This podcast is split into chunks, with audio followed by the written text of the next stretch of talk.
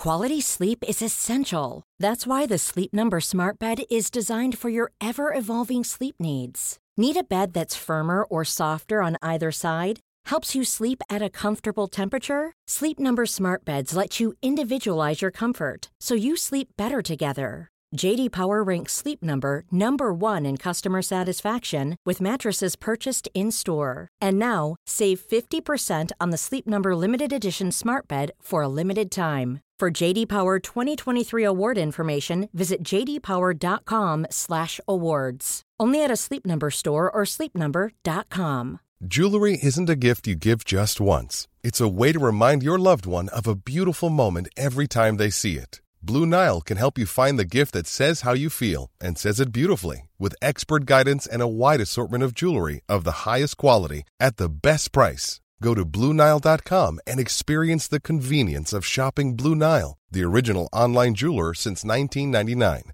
That's BlueNile.com to find the perfect jewelry gift for any occasion. BlueNile.com.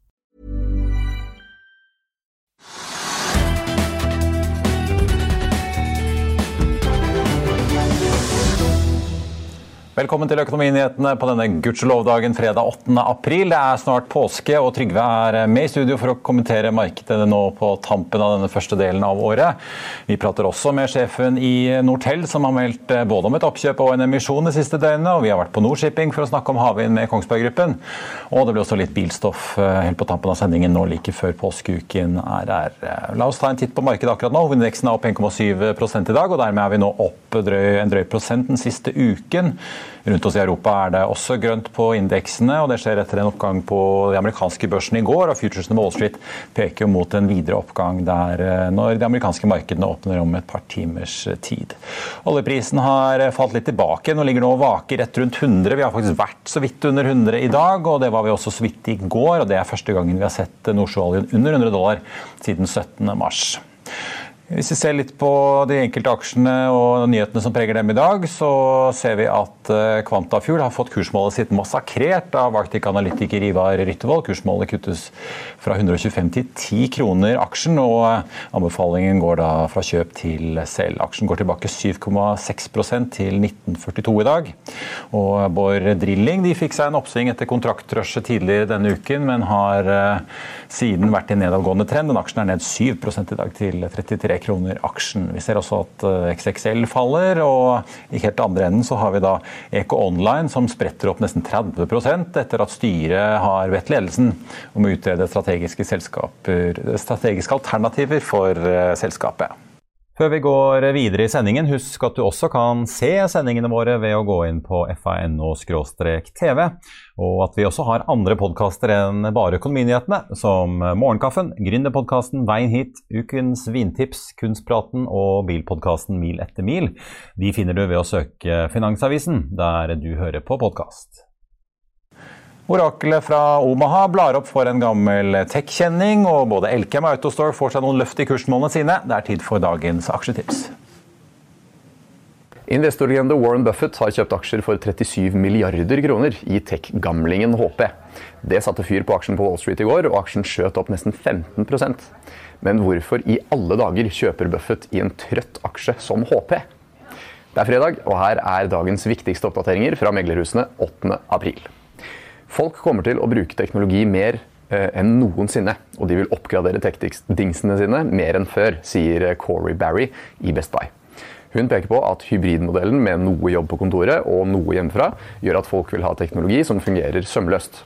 Nå er det likevel flere meldinger som kommer fra, fra meglerhusene, bl.a. Barclays, om at eh, PC- og tech-salg kommer til å falle i årene som kommer. Det er vanskeligheter i verdikjeden med viktige deler, og Barclays velger derfor å stå på sidelinja for å få oversikt over hvor stor en eventuell korreksjon blir. Buffett har åpenbart ikke tro på korreksjon i HP etter milliardinntoget, og tjente i går pene 5,7 milliarder kroner på én dag etter oppturen på Wall Street. Industriselskapet Elkem spås til all time high av Carnegies Morten Nordmann. Han sier aksjen kan stige til 60 kroner, nesten 60% over dagens kurs. Onsdag kom meldingen om at selskapet samarbeider med bl.a. Hydro om en ny gigantfabrikk som lager råstoff til elbilbatterier. Hete greier. Fabrikken skal ha en verdi på hele 20 milliarder kroner. Både Nordeas Hans Erik Jacobsen og ABGs Martin Melby oppjusterer også kursmålet til noe kjedeligere 44 og 45 kroner.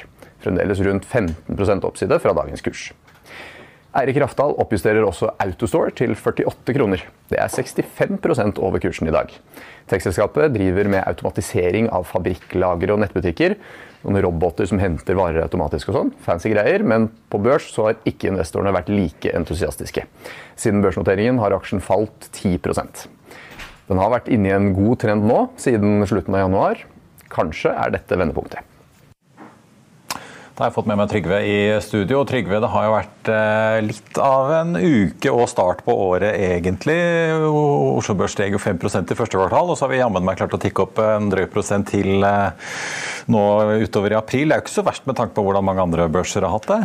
Nei, det er et veldig godt poeng. for mens vi sitter og ser alt gå opp, alle tjener penger, og det virker veldig lett i alle bransjer og i alle, alle, selskaper, så vet vi at i USA så tenker man ikke på noe annet enn en mulig resesjon, tilbakeslag, fordi at sentralbanken kanskje må øke renten mer enn de gjorde nå i første omgang, fordi at da arbeidsmarkedstallene er så vanvittig gode. Det er knapt noen som søker om trygd i USA lenger. Alle har jobb.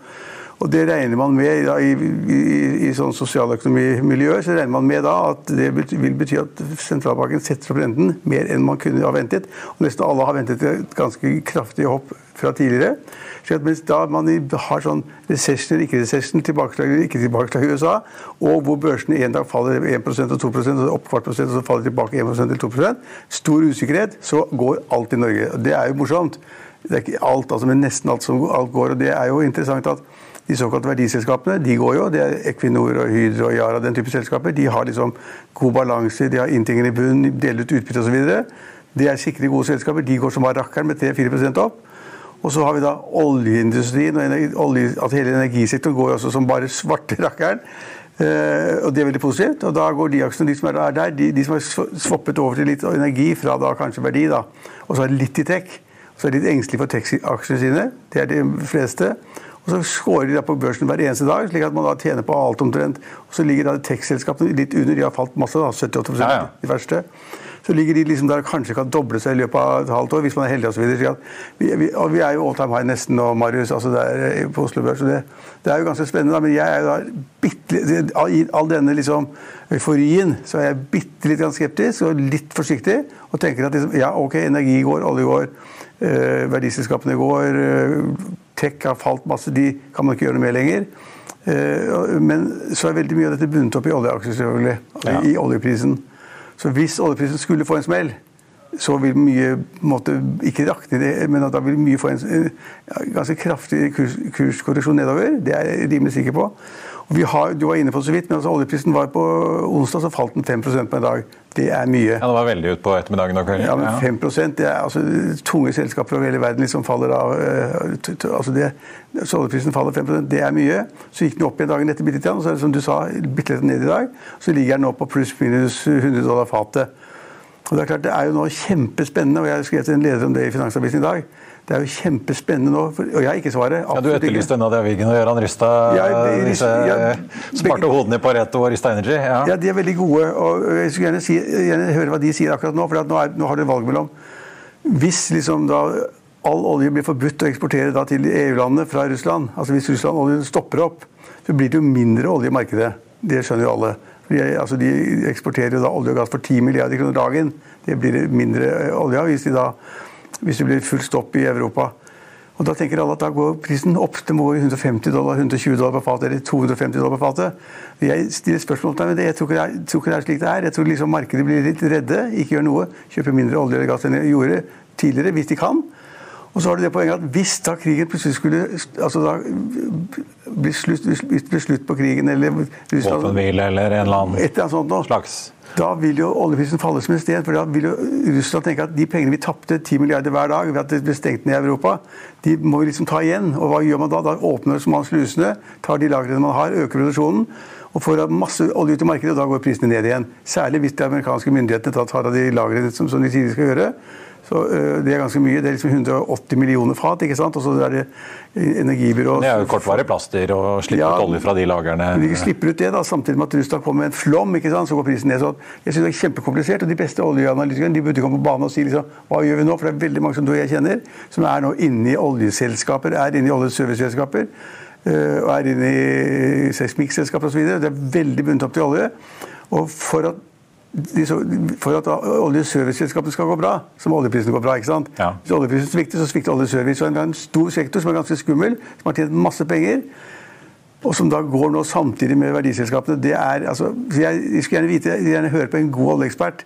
Liksom, hva er sannsynligvis, overvekten for at oljeprisen går fra 100 dollar per fat og blir liggende på 105 eller 110 eller 125 et år frem i tiden? Da er på en måte banker som sitter med Equinor og oljeselskaper og oljeservice. Og skulle oljeprisen svikte, fordi som jeg sa, det er et resonnement som tyder på at da det blir veldig mye olje i markedet hvis man først får full stopp og så skal åpne opp igjen, eh, da vil vi kanskje, få et fall i oljeprisen. Så så er, vi er, vi er sånn all time high, vi er litt skummelt, og vi må tenke litt. Og så er det det at alt vi gjør i Norge kan faktisk bli overkjørt av, eller på en måte trumfet av, hvis da på en måte man skulle få så dårlige tall i Amerika, som tyder på en resesjon, eller gode, go- altså gode tall for økonomien, men, men at man får en resesjon som da, et tilbakeslag, og at rentene går kraftig opp. Og noen tror på det. Hvis man ser, følger med på de amerikanske nyhetssendingene hver kveld, som jeg gjør, så er det liksom tre av Inflasjon, inflasjon, inflasjon, inflasjon. Det det er snakkes om. inflasjon og, defla, og, og inflasjon, inflasjon, og på en måte da risikoen for, da for høye renter. Og at da liksom man går fra vekst til tilbakeslag i økonomien. Tre av fire økonomer tror det nå. De tror det sier at kanskje kan vi utsette i annet halvår, men de tror at det kommer nå. Jeg sier ikke at det er riktig, jeg er ikke så god på amerikansk økonomi, men det er skummelt at alle er enige om at sentralbanken kommer til å heve renten ganske kraftig. altså. Ikke, 0, altså ikke 25 rentepunkter, men kanskje 50 Ja, dobbel, dobbeløkning, som de kaller det. sant? Ja. ja. Men det jo, du skrev jo i denne lederen du tror ikke noe på at eh, oljeprisen skal opp i 150-200 dollar. Men jeg tenker jo spørsmålet blir jo hva er den varige effekten? da, Når til og med Shell måtte komme krypende og si at nei, vi skulle ikke selge russisk olje likevel. Altså, det er jo, disse store selskapene har jo reelt eh, varslet at de trekker seg ut av Russland, slutter å kjøpe oljen deres. Ja, men hvis de slutter å kjøpe Og vi ser jo at de må jo selge til India med med det- kjemperabatt. Det er Og... det som er poenget. Hvis, hvis, de, hvis de, mange av de store kjøperne blir borte, så, hvis du har et volum av gass eller olje du skal selge, hvis du og jeg sitter i ledelsen da i de russiske selskapene, eller statsselskapene, så må vi åpne slusene. Vi må selge det til India, som kanskje tar oljen, eller til Kina eller andre land. Da kjøper de ikke-vestlig olje, og så sprer det seg litt. da, eller man selger til tredjeland, som Venezuela, som så smugler inn i Europa. eller noe sånt. Men for å få til de operasjonene der, så må du sette prisen ganske kraftig ned. Og Da snakker vi liksom 10-20-30 dollar på fat for å få til den flommen vi snakker om. Altså Russland er så store. ikke sant? Det er verdens tredje største oljeprodusent og verdens altså andre største gassprodusent. Så fra den mengden olje de har, vi snakker liksom sammenlignet med Norge og Saudi-Arabia osv., så, videre, så må prisen kraftig ned. Det holder ikke så. Kun hvis BNP-veksten er stor i alle land, i Europa, i Østen og overalt, og på en måte da det er naturlig å kjøpe olje i, i sånn vekstscenario, da kan du holde prisen oppe. Men det som nå er, er, slik jeg ser det, er på en måte en analyse av hva som skjer hvis alt blir stoppet fra Russland, og så åpnes det opp gjennom en, en måned eller to eller tre, og hva skjer da med den oljen? Til hvilken Og veksten globalt avtar. for Vi så jo oljeprisen var veldig høy lenge før Ukraina-krigen, nettopp fordi Ja, ja. åpnet opp igjen. Så Men vi- vi- vi må vel kanskje ha det elementet òg, da. Ja, men vi kan legge til grunn at altså, BNP-veksten var svak i Norge nå for øvrig. Det har kanskje ikke noe med det å gjøre. Men at vi får en svakere vekst verden over etter det vi har vært gjennom nå. Altså krig, krig, krig, ikke sant. Og alt er uro og usikkerhet, og folk investerer kanskje litt mer. bruker- Mangler deler til fabrikker. og- Alt mulig rart. Og kanskje investorer og styrer i selskapene sier at nå tar vi, litt, tar vi litt med ro. Så kan etterspørselssiden bli borte. Kan, så det, er kjempekomplisert. Men, vi har jo som jeg sa, vi har den, det hellet at vi har disse verdiselskapene som dundrer og går. Enten det er aluminium eller hva det måtte være, eller gjødsel. Og så har vi en del andre selskaper. Og så har vi da noen selskaper som er, ja, som er på kanten av børssiden, som ikke er så spennende, men på en annen, hvor det skjer ting på prissettingsside som også er ganske spennende. Altså, du var inne på det i går, eh, den kjempefusjonen innen tank. ikke sant? Ja, med Frontline og Ja. Erlend og til Jon Fredriksen. eh, Det var jo det eh, Eirik Håvaldsen i Pareto kalte 'det blir et beist', sa han om dette nye selskapet. Ja, det er- Eller nye tankrederiet. Ja, og det er, det er kjempespennende. Vi er der også. ikke sant? Vi er, vi er også internasjonal shipping. Mange har tjent masse penger på shipping det siste året. På- Alle, alle unntatt tankrederne, da. Ja, unntatt tankrederne. Ja. nettopp. Altså, leting etter olje, supply, alle har kommet seg litt grann opp. Særlig tørrlast, ikke sant? og også containertransporten, som vi har omtalt masse ganger. Der har mange tjent enormt med penger på da containertrafikken og tørrlast. Og så har vi hatt tankrederiene helt i bånn, kanskje et år eller to. Liksom. Det er ikke mulig å tjene penger. Så sitter da liksom en av verdens største tankredere, John Fredriksen i London, som er norsk. Ja, nesten norsk, da. Så sitter han og har i løpet av de siste årene prøvd å bli enda større enn han er blant verdens største. Og prøvd seg på flere selskaper uten å få det til. Og så plutselig kommer da meldingen om at de da skal på en måte da fusjonere med Euronav, hvor Fredriksen er storaksjonær. Han, ja, han begynte å kjøpe seg inn der i fjor, i dette belgiske Ja, så de sammen, ikke sant? Og det blir da et selskap, og det er Beist. Du kan, altså, det er iallfall et selskap med 146 skip. Hvorav da 30-40-50 er altså store råoljetankere. Og så er det da produktmarked osv. Men det er et kjempeselskap. Som vi også er, og det, skal man si, er ikke det kjempefint? Jo, det er kjempegøy, det er kjempebra. Og Jon Fredriksen blir sittende som største aksjonær i selskapet. Det blir ca. Euronav-selskaper, så er de får kanskje 60% av selskapet, og så får da aksjonærene i Frontline 40. Og i den summen av dette her, så kommer da Jon Fredriksen ut som da vinneren, som den største aksjonær, med 20% eller nå. Og han har penger nok, han er god i shipping, han er rågod i tank osv. Er kjent for magefølelsen sin på ja, å time syklusene. ja, så gikk kursen ned på, på Frontline, ikke sant? og det gikk opp på av. Som tyder på at markedet tenkte at Fredriksen har vært litt for dårlig, litt for snill, ikke god nok. Mens Aurenav-gutta, hvor det sitter en norsk leder i styret eh, Karl, Karl Steen er leder i styret, norsk altså, som sikkert har vært med på dette her. Og så kan man jo lure på, liksom, blir det penger av det? Blir det penger av 146 skip, kall det beist eller spøkelse eller, eller, Eller eller er, opplagstonnasje på et eller annet tidspunkt. Hva skjer? Og da, det har jeg ikke svaret på, for tankfarten er jo også kjempespennende. Det henger, det henger sammen med oljen. Ikke sant? Hvis det blir solgt mindre olje fra Russland i Europa, så må det, må det selges andre steder, som jeg sa i sted. Og da må det til Kina eller India, og da er det lengre transportavstander for høyere rate kanskje osv. Men at Fredriksen better på et selskap, Marius, med 146 skip Altså, da er du ganske tøff, altså, for det, hvis det går helt gærent, så ligger liksom da halve Jeg sier ikke Det det. er mange milliarder som går ut vinduet. Mm. Da er det liksom altså halve flåten i opplag eller ikke, ingenting. Og det, det var jo noen av disse minste tankskipene som de siste månedene har hatt en rate på 3000 dollar dagen. De dekker ikke frimerkene engang. Altså, det, er Nei, ingenting, det, er, det er ingenting. ikke sant? Og, og, så, så, så det er Det sier jo noe om troen hans på tank fremover, da. Han tror på det, men spørsmålet, vil du, hvis du er investor og sitter med 100 000 kroner eller 1 million, eller sånt, vil du ta sjansen da på å kjøpe deg i det fusjonerte selskapet? Altså, de er så store at de kan styre markedet, sannsynligvis. Eh, sannsynligvis er det veldig, er de, altså, ingen andre kan konkurrere med det. Men vil man ta sjansen på å gå inn der med så store aksjonærer som er så store og tøffe? Hva skal de med småaksjonærene? Liksom? De kan bare tulle og tøyse som de vil. ikke sant? Så jeg vil si at Det er kjempespennende, men vi har alltid turt å støtte pengene med det. Og markedet sa også da litt, litt nei til Jonas Fredriksen akkurat denne Ja. Litt, eh, ja, de gikk, eh, Frontland fant litt i går, og Euronav steg nesten 5 og så har de korrigert seg litt tilbake igjen i dag. Så Ja. markedet fordøyer eh, fusjonen. Vi skal fordøye, men, men, men jeg, altså jeg Men det er mye interessant som skjer med apropos disse sanksjonene. og sånn, altså Det er mye endring i seilingsruter og sånn som påvirker eh, shipping fremover. Jeg, jeg er imponert over Jon Fredriksen. Han gjør mange riktige ting. Også, men når han ikke gjør riktige ting, så spiller det ingen rolle, for han sitter bare og venter. Ja. Han er liksom gammel nå, 78 år eller sånn, og sitter bare og venter, av penger nok, og døtrene skal overta. og Han er god i shipping, ikke sant? han bruker gode Og de har eiendom og de har jo diversifisert masse. Stort i masse etter hvert, etter hvert.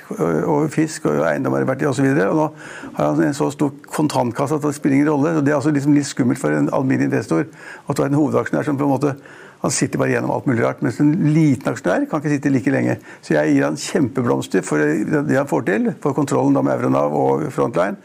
Og selskapet skal hete Frontline. Ja, Skal ledes av, ledes av en utlending, men har da en norsk styreleder i dag i Euronav som kanskje fortsetter. Men noen spekulerer at de er uvenner. Og da blir det jo litt bråk i det nye selskapet. Hvis Ja, da Kalle var jo uenig, Kalle eier, ja. ja, hvis han er uenig han, at de sier at han ikke har adgang til Fredriksens julelunsj lenger. Men det vet vi ikke, det er jeg ikke sikker på. Men, Men du sender julekort til Jon Fredriksen eh, herfra til London, i hvert fall. ja, jeg, jeg, jeg synes det er gøy at vi har store operatører i shipping, og det er en stor del av liksom, in, in, altså, næringslivet vårt i Norge, de også. Så vi er jo på alle felter, og så vinner vi på alle felter. Vi har, liksom, vi har olje, vi har vannkraft, vi har energi, vi har shipping, vi har opp, fiskeoppdrett, altså hva er det vi ikke har? Vi har noen småtteri som tulleaksjer, og de får også, da, en- også en smell for tiden. Du nevnte det, Quantafuel. Ja, Quantafuel har vi snakket om mange ganger. men Jeg lurte på om du kom til å sende blomster til eh, Øyvind Eriksen og Kjell Inge Røkke i dag òg. Ja, de har jo klart å få tak i aksjeposten eh, som Ja. Glisjen en gang kjøpt i Kverner, som nå er en del av Aksjen det er for komplisert, ikke sant? Den der gamle dealen mellom Kverner og, og Aker osv. Ja, De ble jo slått sammen igjen, men i hvert fall Hightech Vision eh, har solgt seg ut. De solgt seg ut. Det spekuleres i tre kvart milliard gevinst, og Aker kjøper kanskje i troen på at her kan de gjøre litt penger. Ja, altså det er, Vil jeg tro, i en syklus. Det er interessant. Noen tar profiten og tjent masse penger på det. Arctic Vision hadde da en post på 6-7 for hva det var. 6 og de, de holdt jo på å tape en god del, fordi de kjøpte seg inn i 2015, men den aksjen falt jo enda mer ned. eh, Men den har gått fem- eller seksgangeren. Ja, nå, ja, ja. ja, ja, så den, har gått og gått. Og det Men de har hatt tålmodigheten til å sitte ja, igjennom, De ja. kunne sitte igjennom, de kunne eller ville. Og så har da kom da Aker og Røkke og kjøper den posten de hadde nå da, for, for hvor mye var det? Jeg husker ikke akkurat summen, men de går fra 33 til 39 ja. Og, og, og, da sier og staten er ute av uh, da sier Øyvind Eriksen da det at uh, dette gjør vi for vi tror på oljeservice i fremtiden. Det er en kjempebransje, der skal vi være. Og også da det, alt det nye som skjer i Nordsjøen, sikkert med havvind også, er på en måte en del av det, den sektoren. Og selskapet har ja, priset til hva, Jeg husker ikke ja, det, det er, Kursen har mer enn doblet seg siste året? i hvert fall. De siste tre årene har den fem-seks doblet seg, liksom fra noen kroner. Så han sier at vi satser på oljeservice. Der skal vi være. Nå fikk vi sjansen til å kjøpe aksjene til Hightech Vision. Vi fikk rabatt. 8-9 rabatt for å kjøpe. Og vi tok det hele den posten. Og vi satser på oljeservice. Det er ganske sterkt. Mm. Det kan jo tenkes at hvis vi skulle få den korreksjonen på oljeprisen, som jeg da var inne på, som jeg, ikke er, som jeg er usikker på, Uh, hvis den skulle komme, så vil det også bli dårlig for oljeservice. Det her er en bet. altså Kjell Inge Røkke og Øyvind Eriksen satser på olje, olje oljeprisen og oljeservice fremover. Og de satte på en aksje som igjen har begynt å betale utbytter for første gang på mange mange år. Eh, nå får riktignok Hightech Vision de 20 ørene per aksje, og ikke Aker. Men riktignok, det viser jo at uh, kanskje ting er uh, litt i bedring i oljeservice etter ja, ganske mange ja, magre år. Nei, men Det er litt i bedring. Det har vært veldig mange, mange dårlige år. og Det er i bedring. og Det er også et interessant siden at vi har så store aktører som da Røkke, Aker som er såpass stort. De kan gjøre mange mange ting. De kan kjøpe, liksom, kjøpe, kjøpe og selge aksjer, og Aker BP gjør andre ting. De gjør store ting. Eh, og så satte de på masse rare selskaper hvor de har tapt, altså i, kursen da, har tapt på papiret ganske mye. Det tåler de. Legger de til side. Når de ikke får det til, så putter de inn i Aker Horizon. Så vi har mange store aktører på alle områder for tiden. Så jeg, er imponert over det også. Mm. Så vi, så de, de, har råd til også å ta ta, ta, ta, eller gjøre feil, men de sier at nå kjøpe flere aksjer. For nå er tidspunktet inne for å da fortsette da, eh, ekspansjonen vår innen oljeservice. Og de er jo ikke det eneste. Vi har sett også Ulf Sætereid har satset på TGS, seismikkaksjen, som går som en kule i dag etter kvartalsoppdatering. Så det er jo flere som åpenbart satser på offshore-segmentet, ja. hvis vi kan kalle det oljeservice offshore. Mm. Jeg er litt skeptisk til at oljeselskap... I hvert deler av det. det er ja, ikke, alle er ikke like. Nei, men jeg er litt skeptisk til at oljeselskap, de store, de som har penger, at styrene der skal sitte og si at nå bruker vi masse penger på, på på letekostnader, altså på seismikk. For nå skal vi finne nye områder som vi skal begynne å Først skal vi finne, betale for seismikken, så skal du finne ting, og så skal du sette i gang produksjon og så lage disse store installasjonene. Det tar 10-15 år. ikke sant? At de store oljeselskapene tar den sjansen. Altså jeg, jeg, tror ikke de kommer til å bruke mer penger, jeg tror de kommer til å bruke mindre penger, for de er usikre på omverdenen hvordan det går, og hvor lett det vil være å produsere olje og få lov til å selge olje. Får vi lov til å kjøre dieselbiler og bensinbiler, må vi gå på elektriske biler Og så videre og så videre. Ikke Det skal være elektriske fly om ti år. ikke sant? Altså, jeg er litt usikker på om det er så lurt å satse så mye penger på seismikk. Liksom, men det kan godt tenkes at og, og PGS har jo da gått 20 eh, i dag, eller sånn, og TGS har gått 10-11% Så alle satser på olje, alle satser på energi, og alle satser på seismikk og den, den, de, de bransjene der. og det vi har aktørene. Ja. Vi har aktørene. Regjeringen kom med ny energimelding, eller oppdatert energimelding i dag, får vi jo si, hvor de plutselig skal begynne å saksbehandle vindmøller på land igjen. Så det blir jo sikkert nok av diskusjoner rundt omkring i, i lokalmiljøene. Vi får jo merke oss at uh, det går bra med lakseaksjer i dag òg. Flere av de er på all time high, ser vi. Lerøy Seafood, SalMar. Sursyre går alle sammen. Mm. Det er fordi det har vært litt høyere laksepris, og så tenker folk at verden skal ha mat. Det har jeg sagt hele tiden. Men bare, før vi slutter, vi må jo ta de selskapene som ikke går bra. Det er liksom, må du lete i bunken. Det er liksom, hva er det som ikke går så bra? Og det vi har snakket om noen ganger, er jo XXL, som har fallet 3-4 i dag. og det er, det er fordi at det går dårligere. Det har vært mindre vinter enn man skulle forvente sannsynligvis. og De har blitt sittende sannsynligvis med lager. Får dårlige marginer når de skal selge det ut. og det, Så den interessen som var for XXL en periode, hvor vi snakket om 20-30 kroner per aksje, og nå er det under 10 kroner, tror jeg. Og folk tror kanskje at uh, forbrukerne får mindre penger mellom hendene. At i hvert fall psykologien tilsier at ja. folk kanskje er litt mer forsiktige når de er ute og handler, når eh, de hører om inflasjon på Dagsrevyen og, ja, godt poeng, og, kanskje og strømregningen er dyr, selv om du får litt i retur fra staten. Ja, ja, men Du skal jo betale høyere strømregninger selv om staten tar det. Så skal du betale ganske mye mer. Du skal betale mye mer for bensin. Hva koster bensin for din? ære? det? Ja, over 20 kroner. ja, altså, det, det, det drar. Så Skrekk og gru. Ja, kanskje folk er litt usikre. Kanskje ikke da kjøper så mye nye skier og votter og luer og sykler som de kanskje skulle. Så det er negativt. Det, og det er jeg har ikke funnet noen som er liksom gode til å argumentere for at, det er, det er, at den kommer til å snu. Det er liksom dårlig for XXL for tiden. Det er tøffe konkurrenter også. Og så har vi snakket veldig om Quantafuel, en tidligere kapitaljournalist som har vært stiftet et selskap. Bød, ja. Ja. ja. Og han var jo med og gjorde god, god gründer osv. Og, så og så kom han inn, og så begynte det å gå dårlig, og så solgte han seg ut for på kurs 60 eller sånn, kjøpte seg svære hus og hytter og sånn, så nå vil jeg bare leve livet litt. Og helt riktig, ta en profit, selvfølgelig. Og så selskapet falt og falt og falt. Og hele poenget med selskapet var at de skulle lage olje av, av plastposer. Det er noe skikkelig surr, altså. det Å få til det at det blir penger å lage olje av plastposer. Når man i Saudi-Arabia eller i Nordsjøen i Norge eller i andre putter sånn rør ned i bakken, og så bare spruter opp olje Får du nesten ferdige plastposer opp? Ja. ja, ja og, og Spetalen var da, da han hørte om det for et par år siden, de har ikke hjerner engang. Det kan ikke gå så har det kanskje gått litt bedre enn han eller andre trodde. og Så skulle man komme i gang i Danmark med fabrikken sin, og så hadde man en testkjør for noen uker siden. og Da sendte vi ut melding om at nå går testkjøring som bare rakkeren. Så nå er det liksom underforstått når det bare å kjøpe aksjer. ikke sant? Det er noen som sier nei, ikke så bra. ikke sant? Det er liksom, det er ikke, de har ikke testet ja, for det er diskusjon om volumene, hvor gode de volumene egentlig er. Ikke? Har de testet hele anlegget, ikke hele anlegget? Og nå er kursen da under 20 kroner eller sånt, og det, Da Kittel Bjørn solgte seg ut, så var den oppe i 60-70 eller sånn. Og så har den rast hele tiden. og det var, høyde, Høydepunktet var kanskje rundt 120 kroner, jeg husker ikke eksakt. Men iallfall falt og falt og falt. Og falt, og han gikk ut i tide, har kjøpt seg private eh, gleder. hytter og han driver og leier ut og ja, ja. Og så er det de som satt og lurte på om det er mulig å tjene penger på å ta plastposer og lage olje. De har ikke svaret ennå. Akkurat nå sier markedet nei, og har kjørt aksjen under 20 kroner. Ja. Vi får se. Det er jo Men det spiller ingen rolle i de store bildene. for Det er jo bare noen sånne rare selskap hvor gründere må få lov å tulle litt. Det som skjer i de store bilder, med oljeprisen ikke sant? og med, med shippingmarkedene og energisektoren og oljeprisen, det er det som, liksom, som er bra eller dårlig for, for, norsk økonomi. Og vi er på den siden at det er all time high. Veldig mange har tjent masse penger, og veldig mange kommer til å tjene mye penger fremover også. Uten tvil. Uten. Og så er det jo sånn at De som da knekker denne koden for da, hvordan de skal eh, løse plastproblem, de kommer sikkert til å tjene masse penger.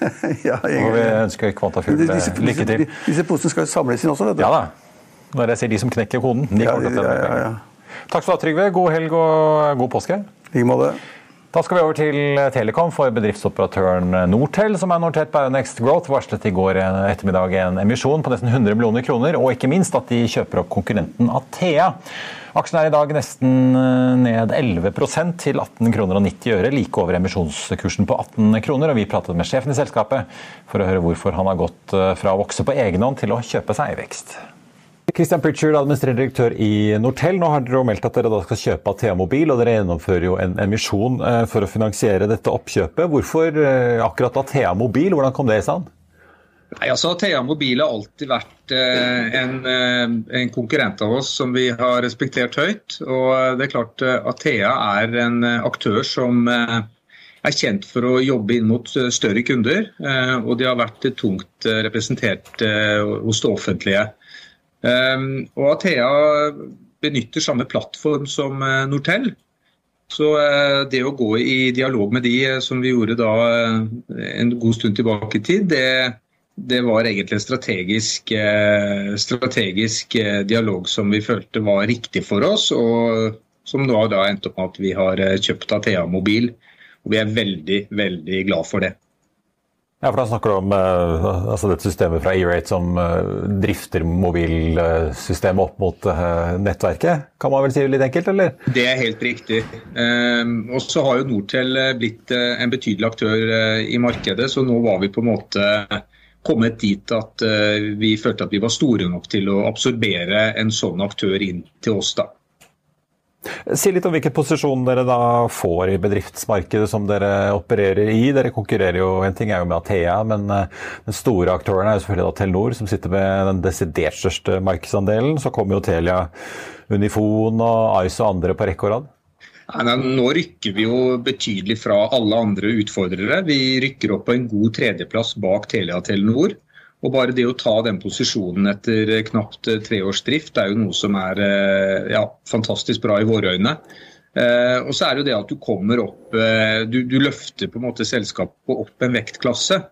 Og det gjør at du blir i stand til å jobbe enda mer med produktutvikling, innovasjon, og bli en betydelig mer slagkraftig konkurrent til, eh, til, duopolet, som på en måte er vårt mission. Det er å utfordre det etablerte duopolet. Og I tillegg så gjør jo vi en, en MVNO-konvertering. Altså det betyr at vi, vi, går opp et nivå hos Telenor på avtalesiden, som gjør at vi også kan eh, produsere enda mer eh, skreddersydde tjenester mot til kundene våre. Jeg må jo spørre, Nå har jo telekonsernet og kraftkonsernet Lyse kjøpt opp Ice. Ice snakket jo om at de skulle bite mer fra seg i bedriftsmarkedet. Hva forventer dere nå fremover når de har fått en ny eier? Nei, det er klart at Et restrukturert Ice med Lyse som eier, det, det er klart at det det, det, ser vi på som en Det ble en veldig god løsning for Ice i forhold til Ice som eh, mobilselskap og utfordrer. De er jo en utfordrer, de også. Så vi er egentlig veldig positive til at vi får en tredje aktør som også eier, eh, har nett og infrastruktur. Og Lyse har mye fiber i Norge. De har 5G-frekvenser eh, etablert. Så, så vi syns det er spennende, og det skaper en god dynamikk som en, også en, en direkte konkurrent til Telenor og Telia, men også på nettdelen. da. Fortell litt om eh, vurderingene dere gjorde. fordi Dere, dere kjører jo en emisjon som nå er fulltegnet, eh, pluss en reparasjonsemisjon. Da, så man, eh, man, begynner jo å nærme seg drøye 90 millioner kroner som dere får inn da, for å kjøpe Athea for inntil 72,5 millioner kroner, som dere skriver. Hvis du deler antallet kunder de har, da, per i dag 21 000, så ender det jo på litt under 3500 kroner per kunde dere skaffer dere. Mm. Eh, hvordan ligger det opp mot eh, kostnaden for å skaffe dere kunder eh, organisk, eller rett og slett bare ved tradisjonell salg og, og markedsføring direkte? Ja, altså På organisk vekst så har vi en lavere acquisition-kost enn 3500. Men det er klart at når vi får en, en så stor base in, implementert i vår egen base, så så løfter jo dette selskapet betydelig nærmere eh, positive tall. Så effekten av det er jo todelt. Du har jo den prisen per SIM, og vi er jo selv priset til en høyere SIM-pris enn det på børsen. Så innvandringseffekten vår er jo veldig positiv. Ja, Ser man på markedsverdien din, så ligger du jo på over 11 000 kroner per eh, kunde. Men ja, var det slett at selv om det koster litt mer enn å skaffe kundene selv, så var det muligheten for å, for å få en, en, ganske stor vekst på veldig kort tid da, som gjorde at dere ville slå til nå? Helt klart, det, det er akkurat det. Og det, den effekten med stordriftsfordelene Vi har jo en, en etablert plattform som disse kundene da blir en del av. Så Vi fordeler jo denne kosten på flere kunder, og det gjør at vi får et, eh, ja, en sunnere økonomi. og vi, vi, løfter oss opp mot, eh, mot, sorte tall. og Det er på en måte eh, målet å komme dit. Og Nå har vi jo hentet pengene til dette kjøpet, og vi har gode rammer som allerede er annonsert på Q4-rapporten vår. Så nå er Nortel fullfinansiert hele veien. Jeg regner du med at uh, dere vil bikke over i pluss i løpet av året? Ja, det regner jeg med nå som vi uh, får implementert basen og vi gjør denne MVNO-konverteringen. Uh, så er det også med på å løfte marginbildet betydelig. Eh, kort til slutt om denne prognosen dere kommer med på, på kundesiden i børsmeldingene her. Eh, dere hadde jo, eh, Hvis man da regner ut fra de kundene dere hadde utgangen av Q4, som er siste regnskapet dere har sluppet, og legger på disse Athea-kundene, så kommer man til 47 000 kunder. Men dere regner jo med sier dere at dere skal nå rundt 60 innen juli. Hva ligger bak den kalkylen? Nei, Det er egentlig som du sier, farten vi hadde ut av Q4 og inn i 2022. Eh, nå skal vi legge fram Q1-rapport eh, den 26. april, så da vil jo tallene svare for seg i forhold til veksten vi har hatt hittil i år. Og så kommer vi da med, med Q2-rapporten eh, en eller annen gang i august. Og det er klart at med, med, Q1 og Q2 inne, så er det det tallet vi eh, styrer etter. Christian Pritchard i Nortel, takk for at du var med oss. Hyggelig. Da skal vi innom laksebransjen, for fredag ble det kjent at det uavhengige styret i Norway Royal Salmon har besluttet å ta ut et erstatningssøksmål mot NTS for kontraktsbrudd, altså den største aksjonæren i eh, NRS. altså. Torsdag stemte NTS nemlig mot emisjonen i datterselskapet Norway Royal Salmon, og stridens kjerne er jo da en fusjonsavtale mellom NRS og SalmoNor, som også er da kontrollert av NTS. Fordi SalMar vil vil nemlig da kjøpe hele NTS, og de vil samtidig heller ikke ha noe av denne eh, sammenslåingen av de to datterselskapene. Det er jo da et problem for det sittende styret i eh, NTS, eh, dette vilkåret fra SalMar altså, fordi en slik fusjon av disse to datterselskapene kan utløse det som kalles en gjennomgående budplikt på NRS. Altså at SalMar ikke bare må kjøpe NTS, men også datterselskapet NRS. Og det kan jo da gjøre hele oppkjøpet av NTS mye dyrere for, for SalMar. Så er det jo sånn da at Uavhengig styre i NRS har vurdert situasjonen etter at NTS på den ekstraordinære generalforsamlingen i går stemte mot forslaget til emisjonen som da ikke ble vedtatt, og som eh, man kan ha lest på F1 og i avisen i det siste, så har jo da Jan Petter Schissner på vegne av fondet sitt, eh, som sitter i en posisjon i NRS, eh, ikke lagt noe mellom hvor kritisk han er til at denne sammenslåingen av Salmonor og NRS ser ut til å bli noe av. Prosafe stiger 2,2 i dag og er dermed opp 31% siden nyttår. De melder i dag om at de har vunnet frem i en anbudskonkurranse for brasilianske Petrobras, og at de dermed har sikret seg en kontrakt på drøye 100 millioner dollar, eller 960 millioner kroner med dagens kurs, for boligriggen Safe Notos. Det er en ankeperiode i anbudsrunden på en uke, men hvis den går gjennom, så skal kontrakten på fire år etter planen starte opp i tredje eller fjerde kvartal i år. Shippingmessen Nordshipping arrangeres jo denne uken, og en av de nye vektsegmentene som den maritime bransjen sysler med, er jo havvind. Vi har tidligere hatt besøk av sjefen i det relativt ferske Integrated Wind Solutions på Oslo Børs, Lars Henrik Røren, og denne uken kom det frem at han og en annen kunde la inn store bestillinger hos Kongsberg Maritime. Vi tok eh, turen opp litt tidligere i uken på messeområdet på Lillestrøm for å snakke med Kongsberg, som jo ikke bare er en eh, global gigantleverandør innen shipping, men også da er i veldig vekst innen having. og Vi spurte dem eh, hvordan både utsiktene er der, og hvordan farten i skipsbyggingen generelt er for tiden. Brynjulf Standal, direktør for offshore i Kongsberg Maritim. Nå står vi her ute på messen eh, på Nordshipping, på standen deres, eh, som jo er stor og fancy. Dere kan melde om to ganske store kontrakter innen havvind i dag på nesten 400 millioner kroner. Kan du fortelle litt om hva dere har sikret dere? Ja, vi har um, sikret oss to uh, kontrakter for Integrated Wind Solutions på to nye Construction SOV-er på China Merchant i Kina. På ca. 200 millioner kroner. Uh, så det er jo veldig morsomt at vi bygger på de kontraktene vi fikk i fjor. Ehm, I tillegg har vi fått eh, kontrakt på Semcorp i Singapore for et vindturbininstallasjonsfartøy for Mersk Supply Service. Da. Størrelsesorden 180 millioner kroner. Da. Så det er jo en uh, veldig god start på andre kvartal, kan vi si. Så... Dere er jo en stor aktør innenfor eh, den maritime næringen globalt. Dere leverer jo eh, en rekke typer utstyr og løsninger. Hva er det egentlig dere kan levere innenfor havvind, som jo mange ser på som et nytt vekstsegment for bransjen? Ja, altså Hvis du ser på fartøyene for Integrated Wind Solution, så har vi jo levert skip, selve skipsdesignet eh, og en stor utstyrspakke. da, så der, Det er jo Eh, det viser jo noe av hva Kongsberg kan gjøre. Da. Eh, utstyrspakken består jo av elektrosystemet, alle kontrollsystemene om bord, pluss propulsion-anlegget. Så det er en stor pakke. På den ordren for Mersk på Semkorp så har vi elektrosystemet og alle kontrollsystemene. Da. Så det er eh, en stor portefølje vi har av utstyr. Da. Eh, så på noen prosjekter får vi veldig store leveranser, på noen får vi deler av eh, det vi kan levere. Da. Så det er begge deler. Det er, det er ganske sjelden at det ikke er noe Kongsberg-utstyr på et nybygg. Da. Mm. Brynjulf, nå diskuteres det jo mye hvor mye offshore wind Norge skal bygge. Det er snakk om to blokker i første omgang. Eh, hva må til for at vi bygger opp en eh, leverandørindustri som vi jo har på olje og gass, eh, også da innen havvind, tror du? Nei, jeg tenker det at Norge må satse på flytende havvind. På bunnfast havvind så er jo eh, toget litt godt. Der er det danskene og nederlenderne som var early movers på leverandørsiden.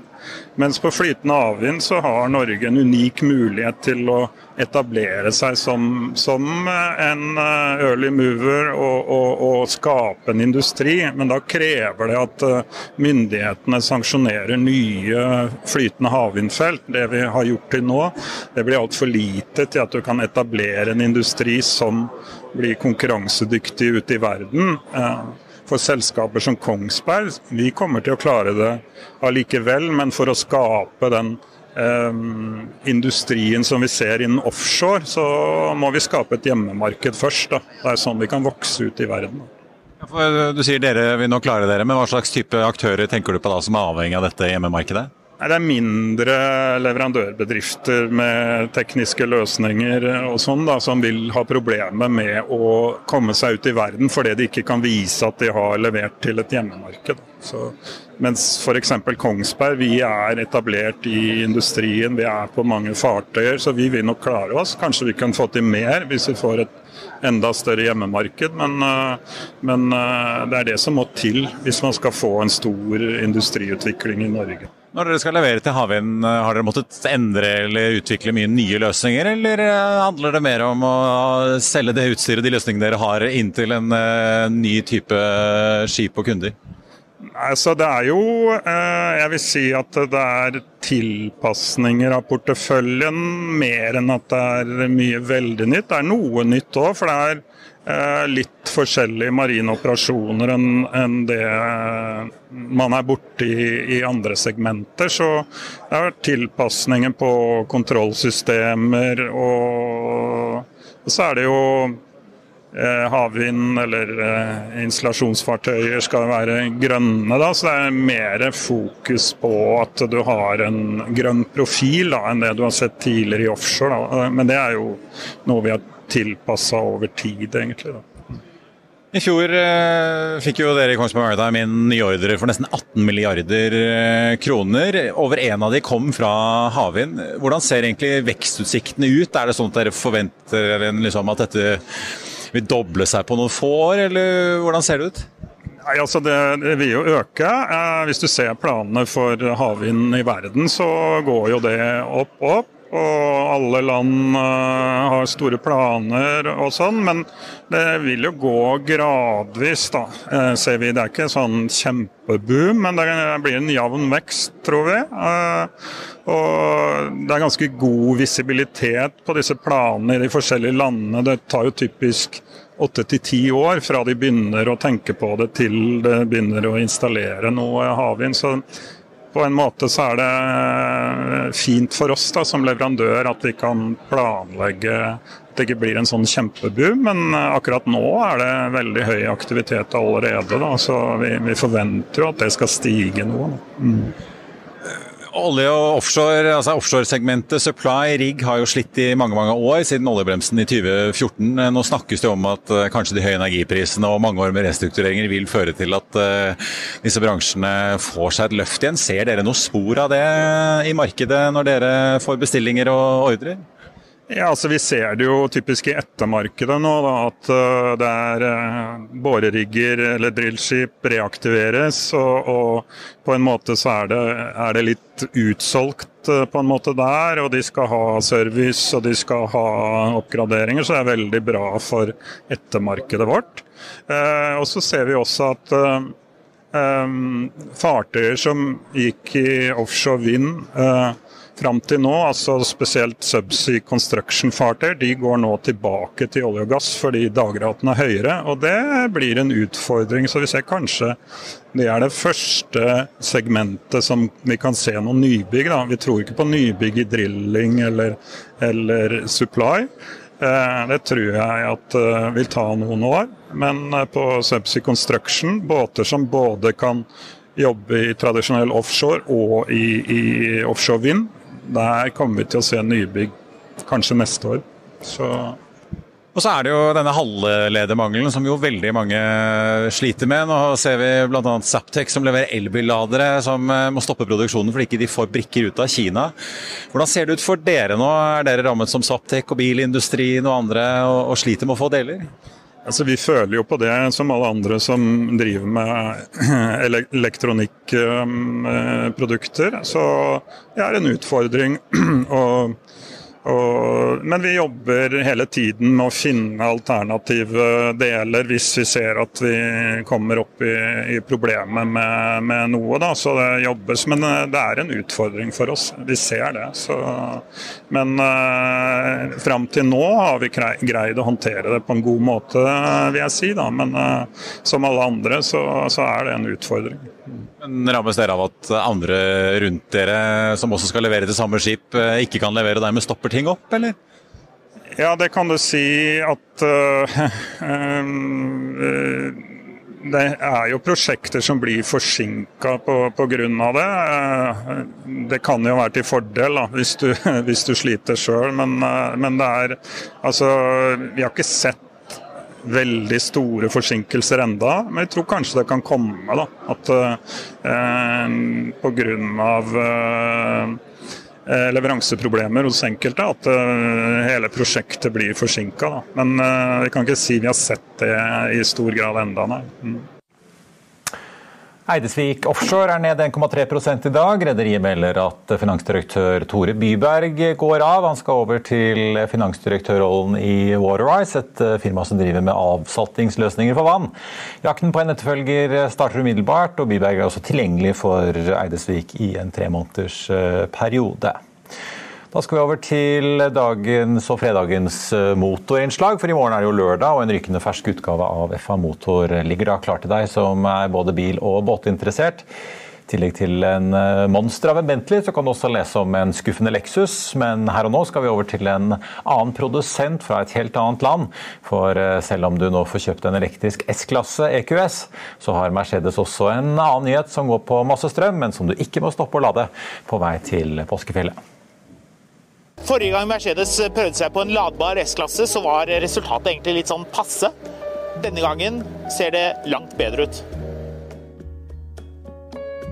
Dette er den ladbare utgaven av nye Mercedes-Benz S-klasse. Den heter S580E 4matic, og de tallene sier egentlig ganske mye om hva denne bilen her står for rent eh, motormessig. Systemeffekten er på 510 hestekrefter. 0 til 100 går eh, unna på 4,9 sekunder. Det er selvfølgelig firehjulsdrift, så du slipper å se dum ut på fjellet. Og i tillegg så slipper du å ha den her som lang utgave. Skal du ha BMW-en, så må du ha den i lang utgave. Denne er kort, og det gjør den jo en god del mer praktisk. En av de viktigste egenskapene ved denne bilen er jo den elektriske rekkevidden. Hvor langt du kan kjøre helt eh, utslippsfritt.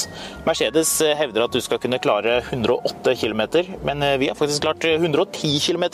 Så at den leverer på det punktet, det er det ingen tvil om. Men billig er det jo selvfølgelig ikke, for det er jo tross alt en S-klasse dette her. Den starter på 1520, men denne bilen koster tett på 2 millioner kroner. Og da lurer du er det ikke en eneste ulempe med den eh, bilen her. Bortsett fra prisen, selvfølgelig. Og eh, jo da, det er det. Bagasjerommet er på bare 350 liter, så det er eh, tett på å være bitte lite. Og En annen ting som er litt rart med den bilen, er at bremsepedalen har en litt sånn snodig, ullen følelse i seg. Ikke helt ulikt den rene elbilen Mercedes EQS. Men bortsett fra det, hvis du eh, ikke liker konseptet med å lade på langtur, kjøre med bensinmotoren når du skal til hytta, og kjøre elektrisk i byen, noe du unektelig kan gjøre med denne bilen her, da er den vel egentlig perfekt. Da skal vi ta en titt på markedet akkurat nå. Hovedindeksen på Oslo Børs er opp 1,9% og dermed ser det ut til at vi ikke bare får en positiv uke, men også setter en ny rekord på sluttnoteringen. Det var jo forrige onsdag vi så at vi endte på 1273 poeng. Nå ligger vi oppe i 1278, så en aldri så liten rekord der. Vi ser at det er på listen over de mest omsatte aksjene stort sett veldig grønt på Oslo Børs. Det er oppgang i både Equinor, Yara, Hydro og Aker BP og ikke minst TGS, eh, som vi har sett en oppgang på over 10 i dag etter en oppdatering fra dem på utviklingen i første kvartal. Aksjelution stiger 7,4% til litt over 32 kroner aksjen. Der ble det jo da i dag kjent at Aker kjøper aksjeposten til Hightech Vision for en så vidt over 27 kroner aksjen, og Aker stiger 3,5% i eh, dag. Ellers så får vi da ta med Nortel, som har kjørt en emisjon og varslet oppkjøp av Athea. De er opp 13, nei, ned 13,2 til 18 kroner og 40 øre, altså 40 øre over emisjonskursen som er eh, annonsert og fastsatt. Og så får vi da også ta med på tampen at eh, Frontline stiger halvannen prosent, mens Euronav eh, i Belgia er akkurat på null nå, etter den store nyheten i går om at de to tankrederiene slår seg sammen. Så har jo det også kommet da oppdateringer på utviklingen i første kvartal fra SalMar og Grieg Seafood i dag, og de er opp 0,6 eh, for SalMar og 1,2% for Grieg Seafood etter de eh, oppdateringene. Og så har vi jo da Eidsvik Offshore ned 2,25 i dag. De melder da om bytte av eh, finansdirektør. Prosafe er ned en halv prosent, var litt opp litt tidligere underveis i sendingen her på nyheten da om en kontrakt på nesten 1 milliard kroner for en boligrigg da i Brasil i en anbudsrunde fra Petrobras. Oljeprisen ligger på 101 dollar fat og 20 cent i spotmarkedet akkurat eh, nå. Har du ønsker om aksjer vi skal analysere, så kan du sende en e-post til tvtips at finansavisen.no. Morgen er det lørdag, og i Finansavisen kan du lese Trygves leder om komiske Ali i åkeren. Du kan lese om en rettskrangel om festetomter. Du kan også finne mer om en favoritt blant de landbaserte oppdretterne. Det blir profilintervju med investor Harald Espedal, og så blir det selvfølgelig masse bil, vin og helgestoff. Det var det vi hadde for deg i denne sendingen, som også blir den siste vi har her før påske. Men frykt ikke, for vi har to påskespesialer som ligger klare til deg, der vi både skal snakke om fly, og hvordan du som investor eh, kan forberede deg til den kommende kvartalssesongen, midt i et finansmarked som skjelver med både energikrise og krig. Så eh, følg med på mandag og fredag i påskeuken. Husk også, husk også at du alltid får siste nytt på fa.no gjennom hele påsken. Og da gjenstår det bare for meg å si tusen takk for at du så på, og takk for følget i denne omgang. Mitt navn er Marius Lorentzen, og jeg er tilbake her på tirsdag 19. april klokken 14.30. I mellomtiden ønsker jeg og alle vi her i Finansavisen deg en riktig god påske.